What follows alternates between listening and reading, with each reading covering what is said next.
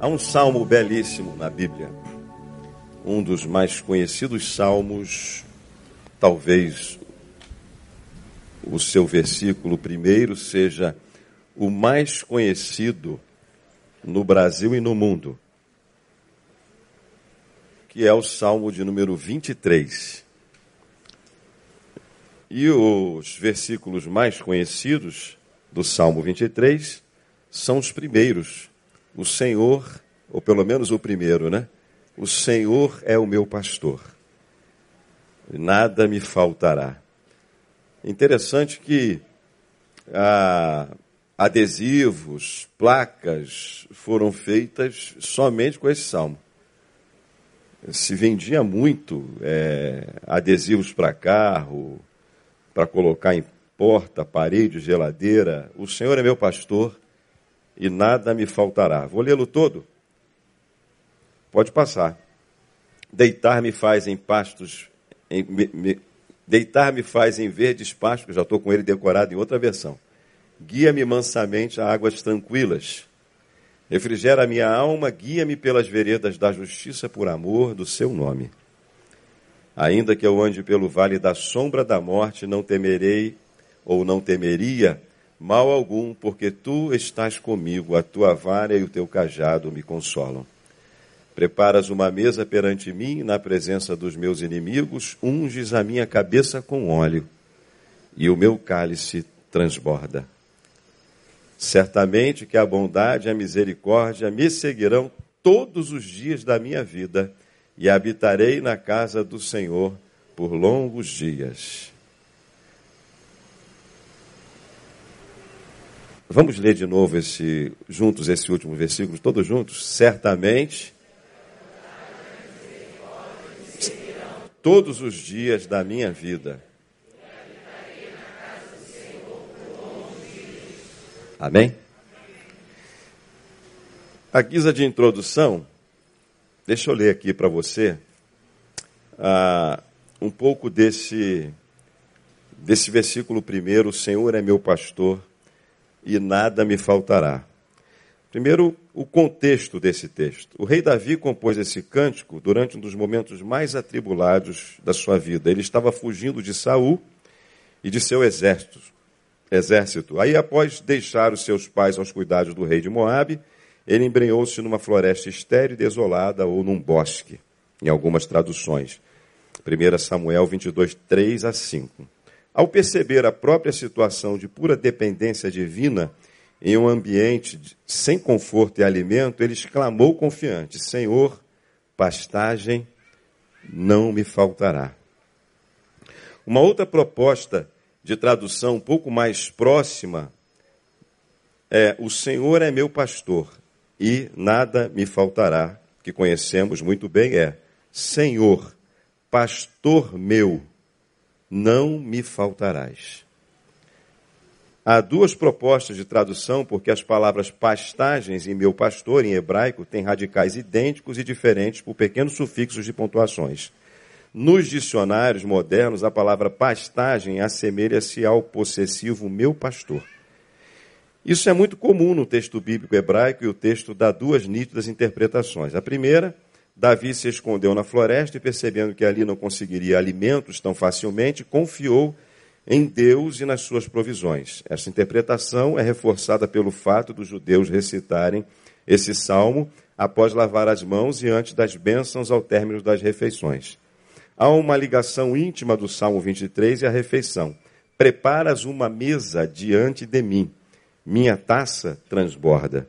Segundo a tradição judaica, olha que interessante conduzida pelo rabino Arizal, esse texto tem 53 palavras, que é o mesmo valor numérico da palavra zan, alimento. Ele também tem 227 letras, que é o equivalente numérico da palavra brachá, bênção. Por esses ensinamentos, aqueles que recitam este salmo e vivem a, e vivem a sua mensagem serão abençoados com muitas provisões. Tradição judaica, tá, gente? Nada a ver com a gente. A segunda, Davi declara que confia na permanente presença de seu pastor nesse momento de tribulação e descansa nessa segurança. entendemos que a palavra nada é apenas uma adaptação linguística dos tradutores à palavra hebraica ló, que quer dizer não. Então já eu já sabia disso há muito tempo. Então, literalmente, o que esse texto quer dizer, ao meu ver, e eu vou mostrar isso para vocês na Bíblia, que a Bíblia interpreta a própria Bíblia, é: o Senhor é o meu pastor, ele não me faltará. Esse nada aí foi introduzido. Oh. O Senhor é o meu pastor. Ele não me faltará. Que foi tudo que Jesus prometeu. Ele disse assim: Estarei convosco todos os dias até a mesma coisa. E aí, eu vou mostrar para vocês, na vida do apóstolo Paulo, esse Salmo 23, na vida do apóstolo Paulo.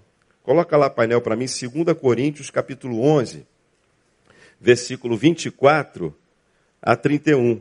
2 Coríntios, capítulo 11, no versículo 24, diz assim, ó. Eu recebi do Paulo falando pouquinho, resumindo a história dele de sofrimento. Recebi dos judeus cinco quarentenas de açoite menos um. Vai lá. Três vezes fui açoitado com varas, uma vez fui apedrejado, três vezes sofri naufrágio, uma noite e um dia passei no abismo. Apóstolo Paulo, em viagem muitas vezes, em perigos de rios, em perigos de salteadores, em perigo dos da minha nação, os próprios judeus que tentaram matá-lo tantas vezes, em perigo dos gentios, em perigos na cidade, em perigos no deserto, em perigos no mar, em perigos entre os falsos irmãos, em trabalhos e fadiga, em vigília muitas vezes, em fome. Por acaso o Senhor não era o pastor do apóstolo Paulo? Por que, que ele passou fome? Ele teve fome, ele teve sede, em jejum muitas vezes, em frio e nudez. Faltou ou não faltou provisão? além das coisas exteriores, me oprime cada dia o cuidado de todas as igrejas. E por aí ele vai. Então, o Senhor é meu pastor, mas em algum momento eu posso ser forçado a fazer, como diz na linguagem dos sinais, um jejum. Um jejum, ela vai fazer ali, ó. Viu? Fazer um jejum. Ou seja, é quando você não tem nada para comer e tem que dar graças a Deus, Senhor, obrigado. Hoje eu não tenho nada para comer. Se o Senhor não prover, não prover, não prover, eu vou ficar sem comer. Mas o Senhor é o meu pastor. O Senhor não me faltará. Eu vou vencer essa fase difícil. Davi venceu ou não venceu? É, ele já estava ungido rei, vivendo como fugitivo, sem ter o que comer. Mas a promessa de Deus para ele era de sentar num trono e ter comida para distribuir para as pessoas que precisassem dela. Mas ele está dizendo assim: eu sei que eu estou vivendo uma, um tempo difícil.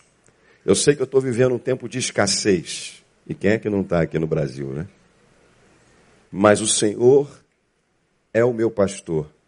O Senhor não me faltará a despeito dessa falta que eu estou vivendo hoje, aqui e agora. Então é assim que eu vejo esse salmo já há muitos anos.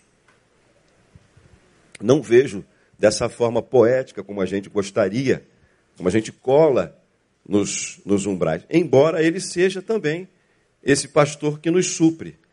Esse pastor que depois de, de Jesus ficar 40 dias e 40 noites no deserto e tendo fome, e tendo resistido a um impulso interno da sua fome de ter que transformar pedra em pães, proposto pelo, pelo diabo, o que, que o texto diz? Que vieram os anjos do céu e os serviram.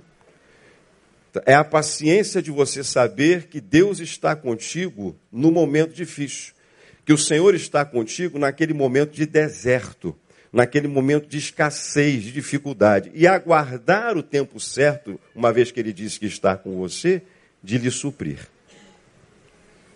Agora, essa ideia de que em algum momento eu não vou passar por sofrimento, Só vitória, como o nosso pastor prega muito aqui, e muito bem. Só vitória, só vitória, só vitória, é só mentira, só mentira, só mentira e só mentira. Isso não é verdade. A vida é cíclica. Às vezes nós temos. O próprio apóstolo Paulo, quando fala, posso todas as coisas naquele que me fortalece, quando ele fala isso, ele dizendo assim, olha, eu aprendi a ter muito, aprendi a ter pouco, aprendi a ter em abundância, eu aprendi a ter grande escassez. Eu posso todas as coisas naquele que me fortalece. É isso que a Bíblia ensina. É isso que ele nos ensinou. Então, quando eu leio esse salmo, eu leio exatamente para mim como ele é. O Senhor é o meu pastor. Ele não me faltará. Então você, à luz dessa introdução, o que, que você precisa fazer em primeiríssimo lugar? Você precisa decidir se o Senhor é o seu pastor. Sim ou não? Sim, você precisa então agora decidir se ele é realmente o seu pastor. Ele é? Você precisa responder para você isso. Porque o Senhor é pastor daqueles que querem ser pastoreados por Ele. Isso é uma decisão pessoal e individual. Já diria Josué quando ele conclamou diante de todo o povo de Israel, dizendo assim: Mas se vos parece mal servires ao Senhor, escolhei hoje a quem haver de servir. Se aos deuses a quem serviram vossos pais, que estavam além do rio, aos deuses dos amorreus, em cuja terra agora vocês estão, Porém, eu e a minha casa serviremos ao Senhor. Isso é uma decisão. É uma decisão que vem à luz de um convite do próprio Cristo, quando ele disse: Vinde a mim, todos vós que estáis cansados e oprimidos, sobrecarregados, e eu vos aliviarei. É você que, que tem que ir ao pastor da sua alma e dizer assim: Senhor, eu quero ser pastoreado. Eu quero ser conduzido por Senhor por, pelo Senhor. Eu quero que a minha vida seja conduzida, pastoreada, orientada pelo Senhor. Eu quero seguir os seus passos. Essa é uma decisão individual, pessoal, que você deve tomar e, se possível, hoje, se possível, ainda essa manhã e, se possível, agora. Essa ideia dessa frase que a gente vê, nós todos somos filhos de Deus. Olha, se estivéssemos vivendo como filhos de Deus, a gente não estava matando tanto aí. A gente não estava destruindo o planeta como a gente está destruindo o planeta. Não pode ser filho de Deus. É um ser humano, como todos nós. Mas não pode ser filho de Deus. Por isso, o próprio Cristo disse assim que a, a, essa filiação que vem por adoção ela é para todo aquele que nele. Porque Deus amou o mundo de tal maneira que deu seu Filho unigênito para que todo aquele que nele crê não pereça, mas tenha a vida eterna. Que é o último ponto do, do Salmo do Salmo 23, que a gente vai terminar belíssimamente daqui a pouco. Então, é uma decisão pessoal. Esse Deus dos batistas esse Deus dos assembleanos, esse Deus das múltiplas religiões pelo planeta da, espalhado pelo planeta Terra precisa ser o seu Deus. Eu quero me reportar a história de Jacó no capítulo 28, versículo 10, eu vou resumir para vocês, quando depois dele enganar o seu pai Isaac, recebendo uma bênção desprezada, que foi desprezada pelo seu irmão Isaú. Ele então engana seu pai, recebe aquela benção, seu irmão, tomado de ira, disse que ia matá-lo. Ele foge e no meio dessa fuga ele vai parar num lugar chamado Luz. Ele tem uma pedra como travesseiro. Ele está dormindo ao relento, ou seja, ele está sem nada, vazio. E no meio desse vazio de grande dificuldade de deserto, o Senhor, ele teve um sonho e nesse sonho uma visão. Deus fala através de sonho, irmão. Há sonhos e sonhos. E fala até hoje.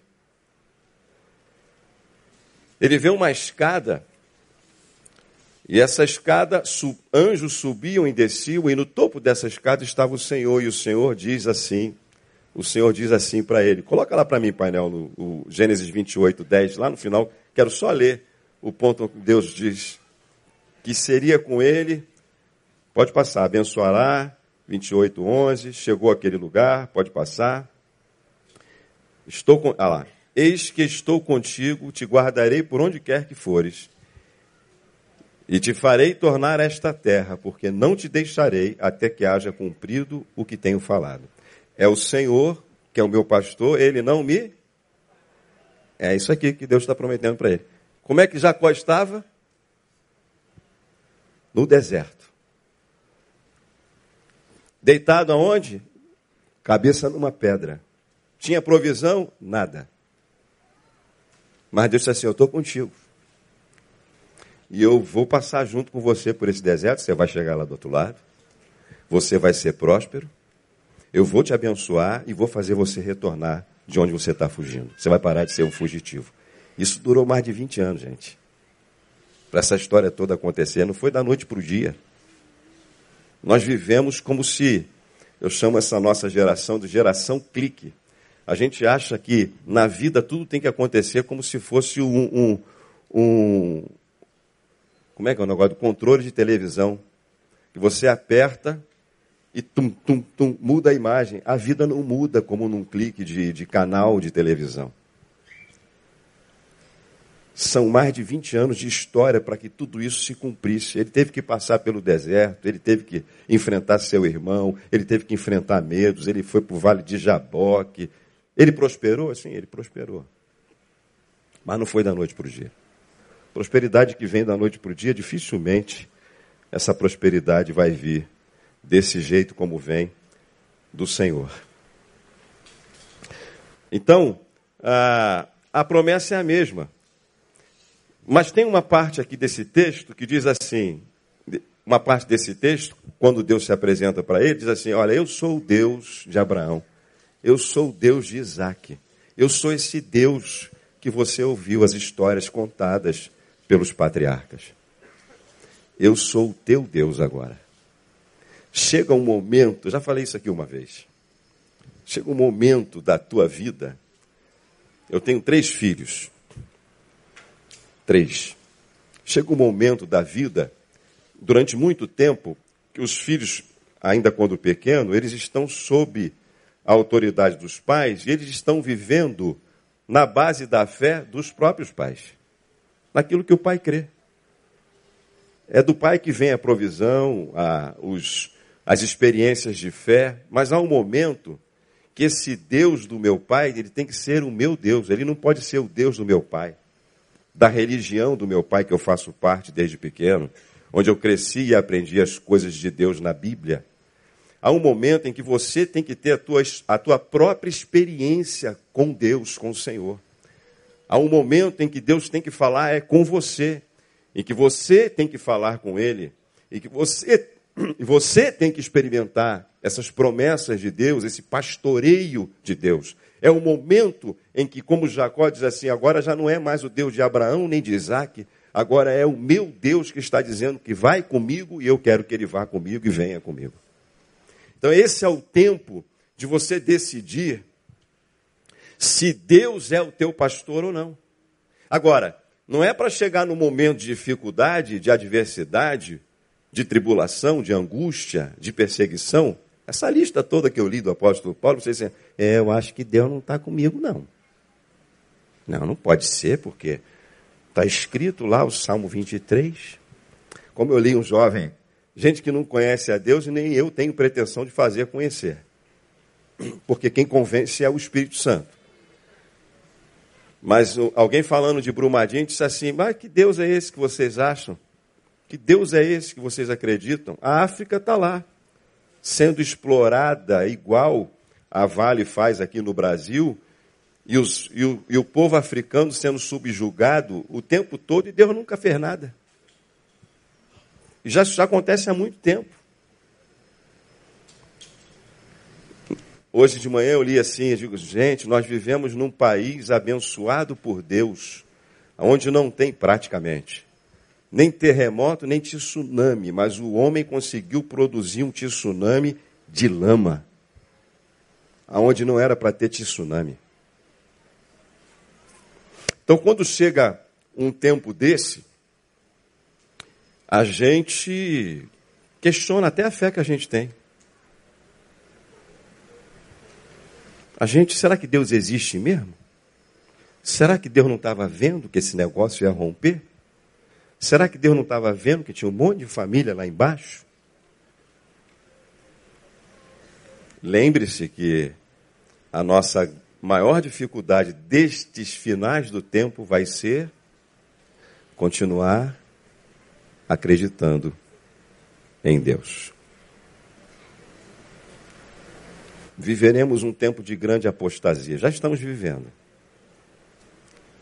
em que as pessoas só querem ouvir aquilo que lhes, lhes agradam, em que elas não querem mais ouvir. Elas não querem mais vir para um lugar como esse para ouvir a palavra de Deus. Em lugar nenhum. Haverá um grande tempo cada vez maior de apostasia de pessoas que não acreditam mais. Eu já oro por isso. Porque eu, eu corro esse mesmo risco, como todos vocês. Eu já há muito tempo digo para Deus, Senhor, ajuda-me. Ajuda-me a continuar crendo. Ajuda-me a não perder a fé. Ajuda-me a não fazer uma leitura equivocada desse tempo ruim que a gente está vivendo. Porque eu posso estar aqui, sentado, ouvindo, cantando, dizimando, levantando a mão, mas está perdido por dentro. Porque sem fé você está perdido.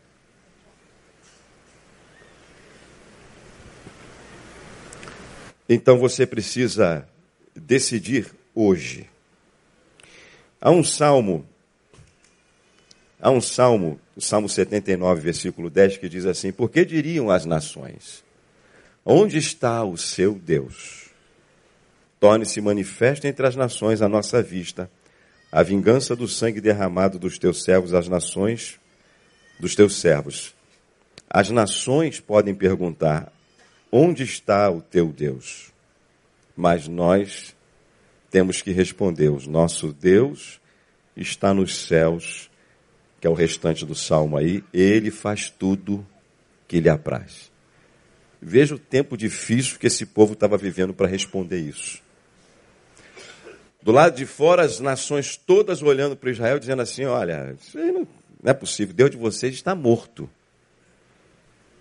Para vocês estarem como vocês estão. Porque perguntam as nações, a gente canta, né? Tem um cântico que a gente canta no, no Inário. Para... Por que diriam as nações? Onde está o vosso Deus?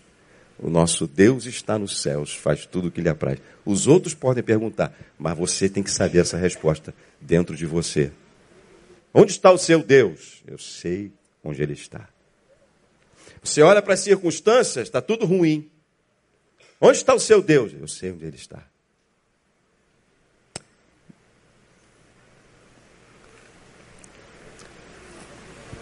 Eu vivi um tempo muito difícil quando o papai teve câncer.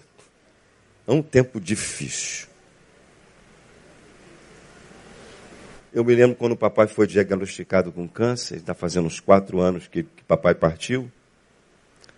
Eu morei 20 anos no Rio Grande do Sul, muitos sabem disso. E lá, lá, a 1.600 quilômetros longe daqui, onde eu só podia vir uma vez por ano de férias, eu sempre pedia a Papai do Céu, digo, Deus, se um dia os meus pais vierem precisar de mim, eu gostaria de estar mais perto. Eu eu orava assim. E Deus atendeu a minha oração. Ele me trouxe. Ah, desculpa. É difícil. Vamos lá. Respirar fundo. Ele me trouxe.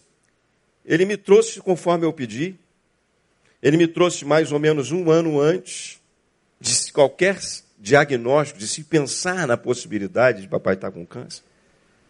Havia lá um probleminha no nariz, nós fomos consultar o otorrino, o otorrino olhou, uma carninha esponjosa. Ela, vamos fazer uma, radio, uma tomografia. Quando ela olhou a tomografia, imediatamente lá, no local onde se fazia. Antes de sair o diagnóstico, o resultado, ela já olhou e veio e ela disse: ele está com um tumor. Mas calma. Pode ser benigno. Se for benigno, até mesmo eu vou poder operar. E aí a gente vai entrando no vale, ó, devagarzinho. Ah, então tá, então tá bom. Então vamos aguardar o histopatológico. Fizemos o histopatológico. Aí vem o resultado. Olha, é maligno. Eu não vou poder mexer nisso. Nós vamos ter que encaminhar para outro especialista. Encaminha para outro especialista. Aí a especialista recebe e disse: Olha, isso aqui é muito profundo. Eu não posso mexer nisso. Especialista. Cabeça, pescoço. Eu vou ter que encaminhar ele para uma pessoa que foi meu professor, inclusive, lá no INCA. Lá eles vão poder tratar de seu pai. Eu disse: Ok, obrigado. Eu me lembro das minhas lágrimas quando eu recebi a notícia de que o câncer era avassalador. Eu me lembro das de quase dois anos acordando de madrugada para levá-lo ao hospital para fazer tratamento, não coube fazer cirurgia, e eu me lembro do meu pai definhando. Ou seja, o câncer vai secando a pessoa de uma forma que ele vai murchando como uma flor até apagar. E a gente não poder fazer nada. A minha maior dor da morte de papai, porque a minha oração, já no final desse processo, não era para mais curá-lo, porque eu sabia que Deus podia curá-lo e não estava curando. A minha oração era que Papai do Céu o levasse logo, eu jamais poderia desejar que meu pai sofresse por tanto tempo. Então a minha oração era, Senhor, abrevia o tempo. Mas eu posso garantir para vocês a coisa mais estranha e absurda para quem não tem fé. O sentimento da presença perene de Deus o tempo todo do nosso lado e do lado dele. Exatamente como ele estava. Eu disse: é estranho. É estranho, eu sei que não só sei como o Senhor está comigo, conosco, com ele, com a nossa família, como sinto a sua presença. É estranho, mas o Senhor está aqui. Está aqui no vale da sombra da morte. Juntos no vale da sombra da morte. Porque a morte, um assunto que ninguém gosta de pensar, ela vai chegar de um jeito ou de outro para mim, para você. E a gente não consegue escolher a forma não conseguimos determinar a forma como isso vai acontecer. Queria Deus, né? Que eu pudesse dormir e acordar lá no céu, ou seja, dormir e acordar morto. Olha que morte maravilhosa. Você está rindo? Você riu? Não. Se Papai do Céu quiser fazer assim comigo, tá bom demais. Aí eu falo para minha mulher, né? Ela, ela pega na minha mão, ela, quando ela e não é poucas vezes que ela pega na minha mão, não. A gente anda de mão dada, a gente se abraça, ela, nossa, como você é quente. Eu digo, eu estou vivo. Eu disse, mas pode ser que daqui mais um tempo você pegue na minha mão, está geladinho. Eu digo, vou estar tá morto. Geladinho, geladinho. Ela não gosta que eu fale isso. Mas eu falo. Se você está quente, você está vivo. Então, as nações podem perguntar: onde está o seu Deus? Mas você tem que saber. O nosso Deus está nos céus, faz tudo o que lhe apraz. O nosso Deus está comigo, porque Jesus disse: Estarei com vocês todos os dias, até. Amém ou amém? Bem, é, a paz descrita nesse salmo refrigera a minha alma. Não vou pregar o salmo todo, nem dá tempo para isso, a gente já vai terminar. Temos a ceia, quero dar um bom tempo. Combinei ali com o pastor Isaías, nós combinamos. E refrigera a minha alma. Gente, aí você vê quanta gente está sem esse pastor Jesus. Quando a gente está aí sentado e nosso pastor chega aqui e diz assim: olha, são 28 suicídios por dia. Esses dias eu, eu vi o vídeo do camarada que no shopping de Santa Cruz, Rio de Janeiro, foi aqui, né? pulou do shopping, caiu em cima de um carro e matou o motorista. Jovem, tudo jovem. A faixa etária. Eu estava fazendo um estudo, porque eu ia falar sobre suicídio, que não é a minha especialidade, numa organização. Por que, que as crianças estão se suicidando a partir de 10 anos? Por quê? Aí você vai ver porque as crianças, porque é um absurdo. Eu me lembro que com 10 anos de idade, criança só pensa em brincar em vida o tempo todo. Por que é que a vida está tão ruim para as nossas crianças que elas não querem mais viver? Há vários fatores. Isso mudou de um tempo para cá. As pessoas estão sem refrigério para a sua alma. E se elas estão sem refrigério é porque elas não conhecem o pastor Jesus que traz refrigério para as suas almas. Elas estão desejando para si a própria morte. Elas não querem mais viver. Como disse nosso pastor, todo suicida, na realidade, o que ele quer é viver, só que como ele não sabe viver, então ele se encontra com a morte. Todo suicida clama pela vida, mas ele não consegue encontrar a vida, e a gente sabe que essa vida está em Jesus. Essa vida de Jesus que está em você é que você precisa levar para essas pessoas. Foi isso que Caio Fábio falou. Vamos lá para Brumadinho, eu não consegui ir, mas eu estava programado para ir também lá para Brumadinho, viu, pessoal? Porque alguém tem que ficar na retaguarda e não tinha como sair da retaguarda nessa semana. Mas meu desejo era ter ido, porque disse assim: aquelas pessoas precisam de consolo. Esse consolo é Jesus. Esse Jesus que está em você. É só isso que você precisa fazer lá. Você não precisa levar água, nada você precisa levar. O consolador. Foram isso que eles foram fazer lá. É isso que a gente precisa. É isso que as pessoas estão precisando. As pessoas não estão precisando de uma nova religião. Porque se, se dependesse de religião, com a quantidade de, de, de, de igrejas, de religiões que são abertas, elas não estariam dando cabo da própria vida. As pessoas estão sem o refrigério da sua alma. A paz não é para ser desfrutada, desfrutada, desfrutada, tada. Ih, meu Deus. Isso. De vez em quando dá isso no cérebro da gente, tá? A paz não é para ser desfrutada, desfrut... deixa para lá. Quando o mar, quando o mar está calmo, a paz, ela é desfrutada quando o mar está em tormenta. Ou seja, ela é para ser experimentada quando o mar está em tormenta. Você não vai experimentar a paz. Vocês gostam quando a gente paga mico, né? É, ela, ela só vai ser experimentada na tormenta. Ela não vai ser experimentada quando parece que está tudo bem. Foi assim que os discípulos indagaram a Jesus naquela tormenta no mar. E Jesus está dormindo. Eu acho que Jesus estava fingindo que estava dormindo, tá, gente? Ou então ele estava muito cansado, porque dormir num barquinho, porque não era um navio, um transatlântico, sendo com aquele monte de discípulos, tudo se borrando, vou falar a palavra, né? Se borrando de medo porque estava pensando que iam morrer. Estão com o Senhor da vida que disse: vamos passar para o outro lado. E aí eles despertam o mestre assim: só nos, não se te dá que morramos? Só não está vendo que nós estamos perecendo? Aí ele repreende o vento e o mar e e eles perguntam: quem é este que até o vento e o mar lhe obedecem?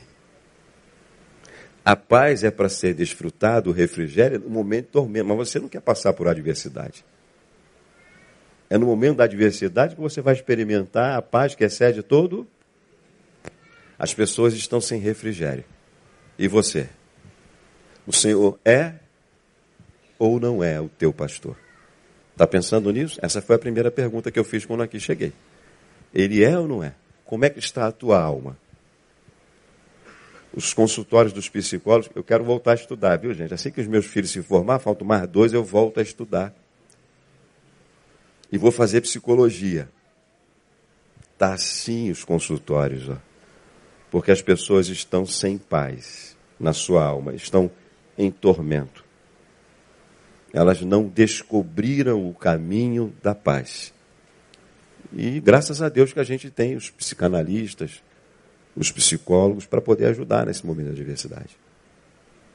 Mas essa paz profunda e verdadeira que o Papai do Céu nos dá, isso não tem preço. As pessoas estão sem refrigério, porque elas não conhecem quem é este que até o mar e o vento dá ordem e param. Elas não conhecem o pastor das almas. Os discípulos também não tinham a menor noção direito ainda de quem eram aqueles que eles estavam carregando no barquinho. Clamar por justiça é o penúltimo ponto. Clamar por justiça, todos nós estamos clamando. Olha que mundo injusto que a gente vive. Não é verdade? Coisa difícil é você cair na mão de um juiz. Deixa eu contar um negócio para vocês. Pastor contou isso aqui. O Casa Viva foi colocado na justiça ano passado. Tivemos que ir para o juiz. Pela primeira vez. Veja que uma das nossas dos nossos valores é a justiça social.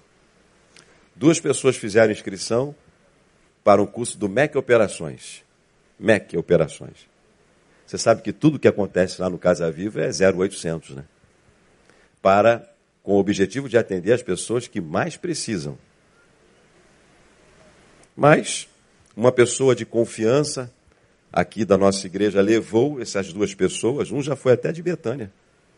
Levou duas pessoas para fazer a inscrição para um curso da MEC Operações, aquele negócio de empilhadeira.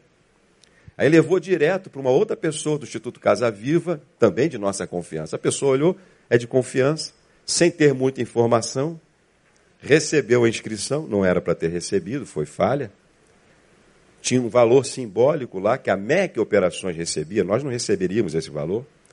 Aí a pessoa assinou, eles, ó, recebeu o meu valor, era um quilo, dois quilos de alimento, eu estou inscrito, mas não para ser escrito, estava descrito, agora a gente tomou mais cuidado com isso.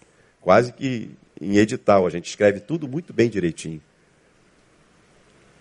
E aí ele não veio, eles não vieram, ou chegaram bem depois do horário da reunião, que era a base para a inscrição.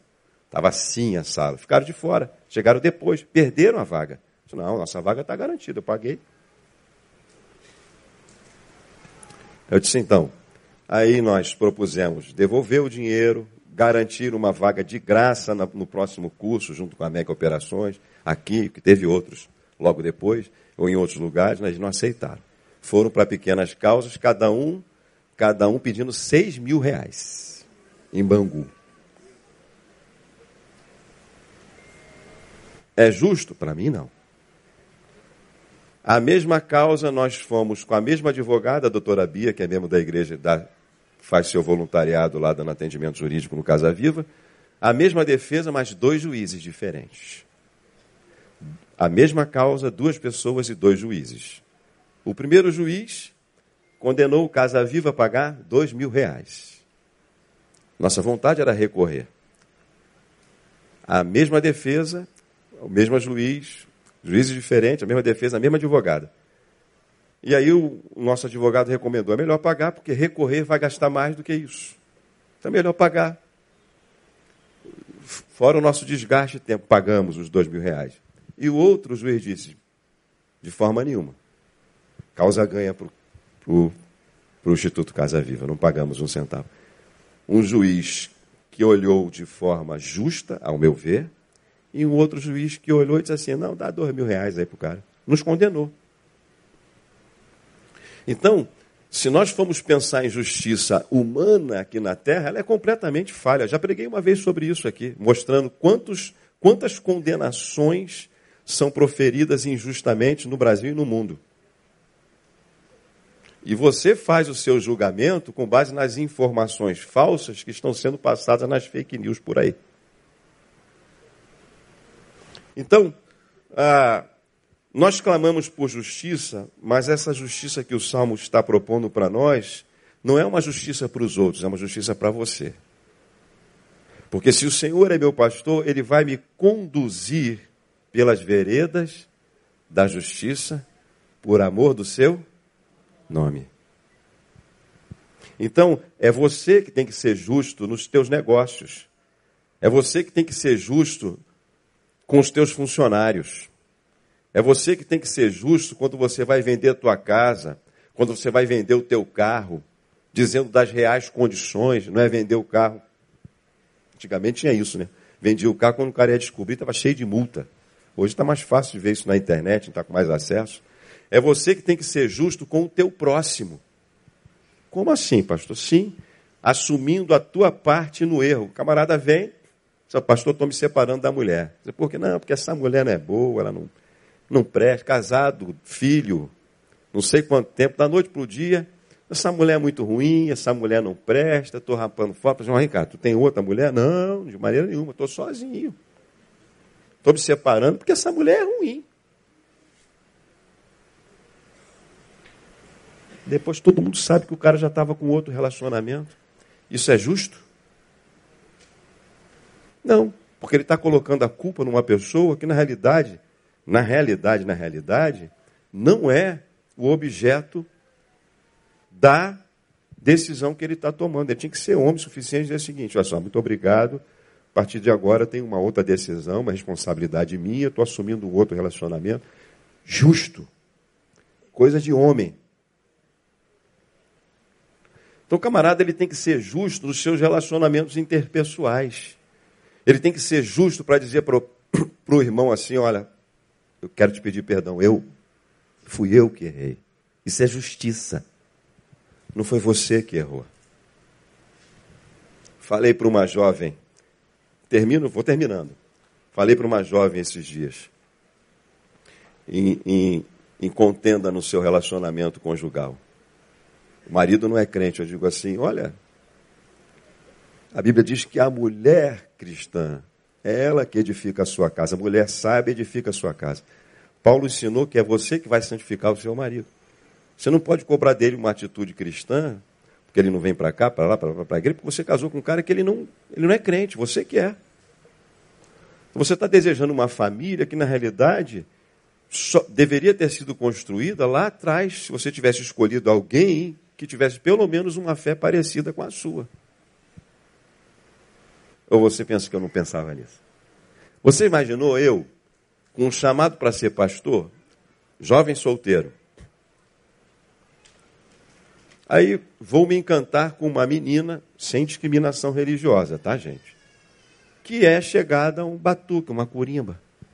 Um negócio do banco, um trabalhozinho, uma encruzilhada. Menina linda, direita, moralmente perfeita, maravilhosa, daquelas que a gente olha, se apaixona.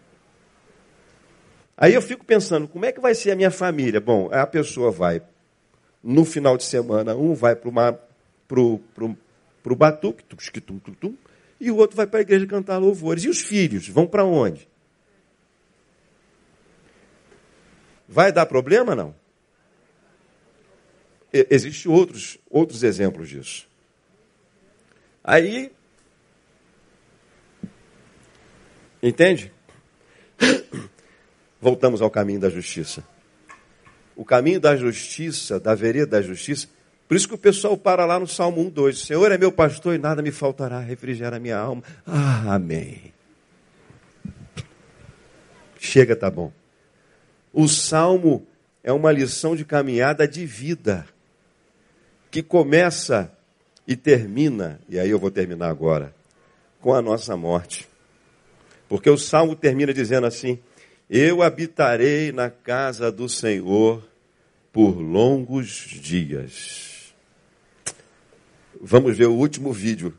Recebi esse vídeo tantas vezes, umas 300 vezes. Estou brincando, isso é hipérbole. Mais umas cinco vezes mandaram para mim o vídeo de um de um cidadão com a voz muito bonita a gente vai embora e fica tudo aqui. Planos a longo prazo, tarefas de casa, dívidas com o banco, parcelas daquele carro novinho que eu comprei, só para chamar atenção, só para ter status.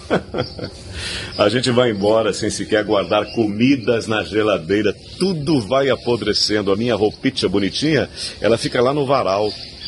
A gente vai embora se dissolve, a gente some, toda a nossa importância se esvai, essa importância que nós pensávamos que tínhamos. A vida continua, ela segue, as pessoas superam e vão seguindo suas rotinas.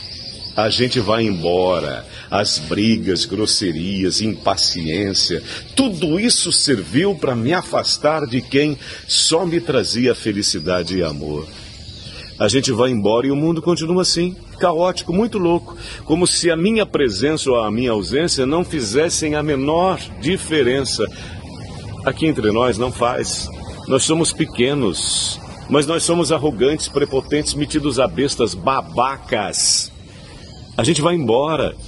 E é bem assim. Piscou, pum, a vida vai. O cachorro que eu amo tanto, ele é doado. O cachorro se apega aos novos donos.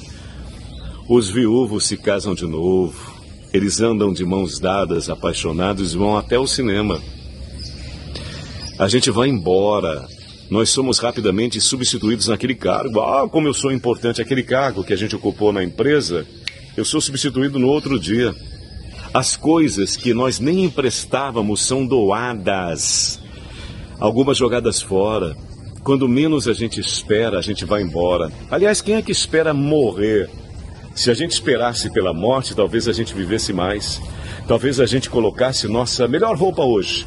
Talvez a gente comesse a sobremesa até antes do almoço. talvez a gente esperasse menos dos outros. Talvez a gente perdoasse mais. Talvez a gente risse mais, saísse à tarde para ver o pôr do sol. Talvez a gente quisesse mais tempo e menos dinheiro. Hoje o tempo voa, amor. A partir do momento em que a gente nasce, começa essa viagem, essa jornada fantástica, veloz, com destino ao fim, rumo ao fim. E ainda tem aqueles que vivem com pressa, eu ainda tenho pressa. O que é que eu estou fazendo agora com o pouco tempo que me resta? Que possamos ser cada dia melhores e que saibamos reconhecer o que realmente importa nessa nossa breve passagem pela terra. Só isso. Até porque a gente vai embora. A gente vai embora.